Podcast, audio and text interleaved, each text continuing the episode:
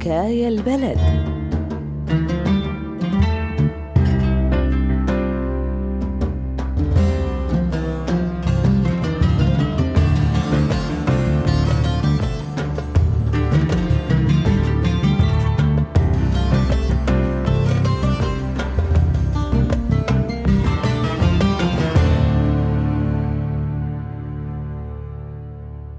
الظلاميين بيحاولوا يزرعوا عتمتهم جوات القلوب. زرعوا بقلب الولد حقد على أقرب مخلوق إله. أمه. إيه إيه أمه. شو رح يصير بهالحقد ولوين رح يوصل؟ خولش بيش قلقانة. عمر وعبيدة صارن بأمان. ليش قام ترجفين رجف؟ هذا سؤال ينسأل يا رويدة. تقولي راجعين من سيران يعني. سنين خاطفينهم الدواعش. وهلق الله أعلم شو صاير فيهم مو قلتي لي كانوا عايشين عند عيلة كردية بمخيم دار شردان بكردستان؟ خبروك اليوم شنو اللي وصلهم على المخيم؟ ما خبروني. الله أعلم. بس بشروني إنهم دخلوا لسوريا. هلق بس يوصلوا رح أسألهم. قلبي والله مثل النار. طولي بالك يا بنتي يا خولة. بالله صحي منو رح يوصلهم لهين؟ موظف من البيت الإيزيدي بالجزيرة. استلمهم اليوم على حدود مع موظف من المخيم هون. هدول هنن تعالوا خلوني أحضنكم يا أولاد قلبي. مين أنت؟ بعدي عني. مين هي؟ ما أعرفك بعدي عني. شبيكم يا أولاد؟ أنا أمكم. نسيتوني؟ مو أمنا أنت. أمنا ماتت بالموصل. قتلوها الكفرة. قصفونا. أمنا ما تظهر مكشفة مثلي قدام الرجال. ليش ما عم تلبسي النقاب؟ طولي بالك عليهم يا أختي. كتار منهم هيك يصير معهم وقت نرجعهم لأهلهم. لا حول ولا قوة إلا بالله. هاي الخيمة يا أولاد روحوا لآجي أغسلكم وألبسكم تياب نظيفة شو اللي وصلهم للمخيم الكردي أخي رشاد؟ مو قلتوا لنا الدواعش أخذوهم للموصل؟ والله ما حدا بيعرف على المزبوط شلون حسب ما يقول ابنك عمر إنه انقصفوا وماتوا الدواعش اللي كانوا حاويينهم شكله شيء ابن حلال جابهم للمخيم وعيلة هنيك تكفلت فيهم بهالفترة الماضية والحس شنو ناوية تسوين يا أختي؟ هدول مسوي لهم غسيل دماغ شكلهم قام يحجون مثلهم يا أمة محمد. أنا أدري. الله كاتب لي العذاب بهالدنيا. من مصيبة لمصيبة. تصوري أولادك يكرهوكي تصوري. إيه أخي شيفان؟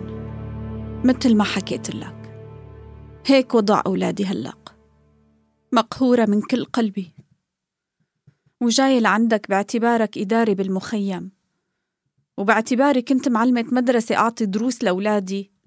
وكل هالولاد اللي قاعدين عم يتربوا على إيد أمهاتهم يلي لهلأ عم يصيحوا باقية باقية.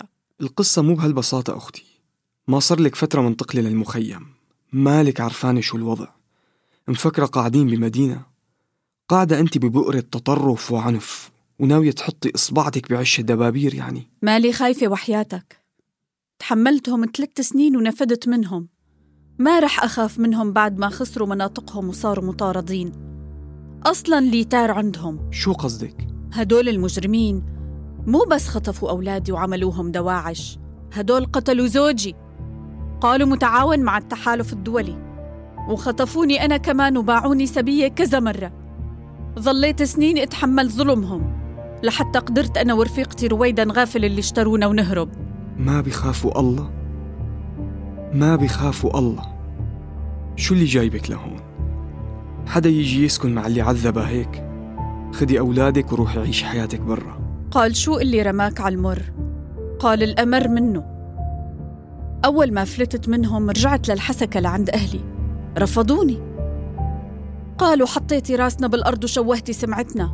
وكأنه بإيدي. كأنه أنا اللي رحت لعند الدواعش. مو هن خطفوني والله ما أعرف شو بدي قلك يا خولة. انت عم تدوري على وجع الراس دوارة وترى رح تعملي لنا مشاكل إلنا كمان. رح وافق بس بشرط. إذا صارت مشاكل وعنف رح نضطر نوقف الدروس فورا. ماشي أخي. ما يصير إلا اللي تريده. عين خير. قولي ول أشهد لا إله إلا الله ومحمد رسول الله. عد وراي. ما بدي أقول إذا ما قلتها رايحين نقلعك برا المخيم كله. ما نقبل كفار بيننا. فلتني ما بدي أقول بدك تقول غصبا عنك. حدا يرفض يقول الشهادتين فلتوا يا وال فلتوا يا عمر. تعال عندي. شو قصتك؟ ليش هيك عم يطلبوا منك؟ شو اسمك بالأول؟ اسمي عاشور. بدهم يعني أصير مسلم. إذا ما أنك مسلم شو تساوي هون بالمخيم؟ وين أهلك؟ أنا عاشوري. ملك التمر يا خالي. خطفونا دواعش.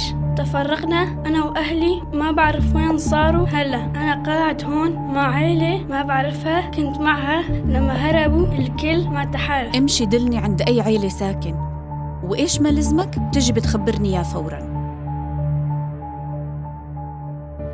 لقينا أهله لعاشور ناطف قلبهم عليه وما كانوا يلاقوه. طيب ليش ما سألوا عنه هون؟ معقول؟ سألوا بس نحن نفسنا ما كنا نعرف إنه هون. العيلة اللي جابته مسجلته بغير اسم على كينيتا لا حول ولا قوة إلا بالله.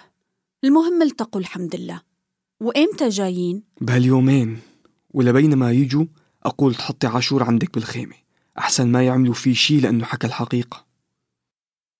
هي عاشور وينن أهله؟ ما بقى إلا يصلوا. ها هذول هنن. هذول هنن إذا مالي غلطان. لا تبكي يا عاشور لا تبكي. خلص. رح تخلص من هالظلم مرحبا يا جماعة. هذا عاشور؟ تعال يا حبيبي خليني أكحل عيني بشوفتك. الله يخلي لكم يا يا عم. ولد عاقل ومؤدب ونعم التربية. احمدوا ربكم إنه ما نسيكم مع إنه بقي مع الدواعش فترة مو قليلة. نشكر الله يا بنتي. والله يقدرني أكافيكي. فضلك ما راح ننساها بحياتنا. هاي رقمي وعنواني. إذا احتجتي أي شيء ما تترددي تتواصلي معي. مستعد أستقبلك وولادك ببيتي من هاللحظة. لا الله يخليك يا عم. ما عملت غير الواجب. خير خير. شو هالتجمع اللي هون؟ في مشكلة؟ في مليون مشكلة من ورا هالحية خولة. أخذت الولد ومنعت يفوت الإسلام. والله والله. إذا ما توقفوا دروسها أو تبدلوها ما رح نبعت أولادنا للدرس من هي اللحظة. من يوم ما صرنا نبعتهم تغيروا الأولاد علينا. ما يسمعوا كلمتنا وصاروا يحكوا كلام ما يرضي الله. مو بس هيك صاروا يكرهونا ويسبوا الدولة الإسلامية. شو دولة إسلامية؟ هدول إرهابيين مجرمين. خولة واحدة من ضحاياكم. الدولة ما تظلم حدا تمشي على دين الله. دولة الخرافة تبعك مو بس بتظلم ما تركت جريمة ما عملتها. على كل حال اللي ما رح تبعت أولادها للدرس رح أقطع عنا المعونات. بقى بكيفكن. شو هالظلم؟ ما بيكفي حابسين رجالنا وحاجزيننا بهالمخيم الزفت؟ وبدك تقطع عنا المعونات؟ خبروني صايرة مشكلة بسببي. ليش بدكن تبطلوا تبعتوا أولادكن للدرس؟ ما تستحي من الله. جاية سافرة لعدنا؟ تنقبي يا عدوة الله. هذا الشي ما بيخصكم. لازم تترجوني أدرس أولادكم بدل ما تطلبوا اتقلع بلكي يصير لهم مستقبل مثل الخلق والعالم. ما بدنا يكون لهم مستقبل على إيد وحدة تعاطفت مع الكفار ما تخافين ربك يا حجة؟ عاشور ولد مسكين ما بكفي الظلم يلي لاقاه منكم؟ منك لله بس يمهل ولا يهمل يمهل ولا يهمل امشوا يا أخوات ما في فايدة من هالحكي مع الفاجرة وصاحبها شوف يا عمر ما كنت جبتك لهون لولا أني واثقة بتربية الأخوة المجاهدين إلك خير تربية. وعلى أن لا كلام يعلو فوق كلام الله وسنة رسوله. تسلمي يا خالة. شو القصة؟ الخلاصة وبدون كتير شرح. أمك ضلت طريقها وعم تحارب الدين وحماته من الدولة. حكينا معها بالحسنى ما رضيت تتوب وترجع لطريق الهداية والصواب. قصينا عليها ما ردت. طالبنا بطردها من تدريس هالولاد أخوتك في الله. رفضوا إدارة المخيم. لازم ينحط حد لهالموضوع. أدري يا حجة لكن ما بالإيد حيلة. هاي أمي حكيت أنا معها كمان وما ردت. كمان بهدلتني. ما في فايدة من الحكي معها. عم تحرض وتفسد الأولاد علينا وتهاجم الدولة طول الوقت. لهيك لازم أنت تغسل عار عيلتك وتحط حد لغيها وضلالها. شو ممكن أعمل معها غير النصح؟ هاد بينهي القصة بأرضها وبدون ضجة. لا لا يا خالة شو هالحكي؟ الله نهانا عن القتل. بعدين هاي أمي. بسم الله الرحمن الرحيم. فلا تقل لهما أفا ولا تنهرهما وقل لهما قولا كريما. شلون بدك ياني خلص عليها؟ اتق الله.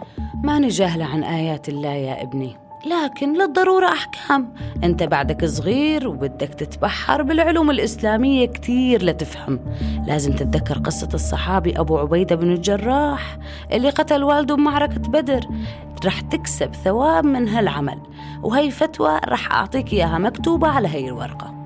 صعبة يا خالة صعبة. حدا يقتل أمه؟ لا تتردد يا ابني أمك ضلت الطريق وتجاهر بمعاداة دين الله خذ هالمسدس معك وبس لقيت الفرصة مناسبة لا تتردد وبعدها بتجي لعندي رح هربك خارج المخيم لعند الأخوة بالبادية شو هذا اللي مخبيه بعباك؟ وين كنت كل هالوقت؟ ما كنت بمحل كنت عم أتمشى قرب مخيم الأجنبيات مع صديقي حذيفة فرجيني شو مخبي فلت يا ول فلتني العمى شو هاد لك عمر؟ مين عطاك المسدس؟ خلي الحكي بيناتنا ما بدي حدا يعرف. أحلف بالله إنك ما رح تخبر حدا. خلص أقسم بالله ما رح خبر حدا. احكي. الحجة رضوى عطتني إياه وأقنعتني نحط حد ليلي عم تعمله أمنا. شو عم تحكي يا عمر؟ لا لا كل شيء إلا الوالدين. شو ما عملت لازم ما نغضبها أو نأذيها. وأنا كنت بفكر هيك بس اقتنعت من الحجة. ضررها على المسلمين والمسلمات صار كبير.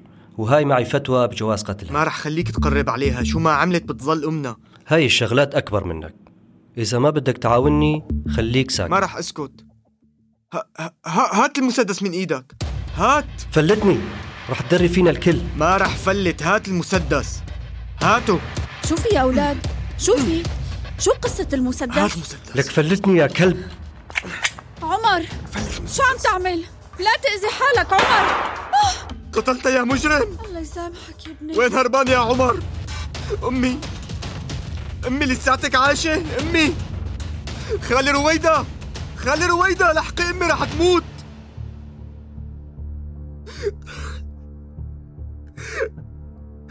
أمي لساتك عايشة. قام تسمعيني خولة؟ والردي علي يا خولة. يا جماعة اتصلوا بالأمن اتصلوا بالإسعاف. راح يصفى دمها. والشنو مستنين؟ إلحقوا من المرة بسرعة. الله ينجيك يا أمي ويسامحني على اللي عملته. ما رح سامح حالي طول ما أنا عايش. لا هون على حالك يا ولادي. صحيح أنت ضربت الفشك بس مو أنت اللي صاوبتها هذيك هالحية الخبيثة الحجة رضوى. ماني مصدق كيف قدرت أذيها لأمي. واقتنع بكلام رضوى. لا تخاف لا تخاف. رح تتعاقب هالحية. والموزين لحقوها قبل ما تهرب من المخيم. أنا همي أمي. ما بعرف شو بدي أعمل بحالي إذا الله ما كتب لها النجاة. والامسح وجهك بالرحمن يا ولادي الطلقة بالبطن احمد الله ما جت بالقلب أو بالرأس. وراح تتجاوز الخطر بإذن الله. سمعنا سوا حلقة من مسلسل حكاية البلد.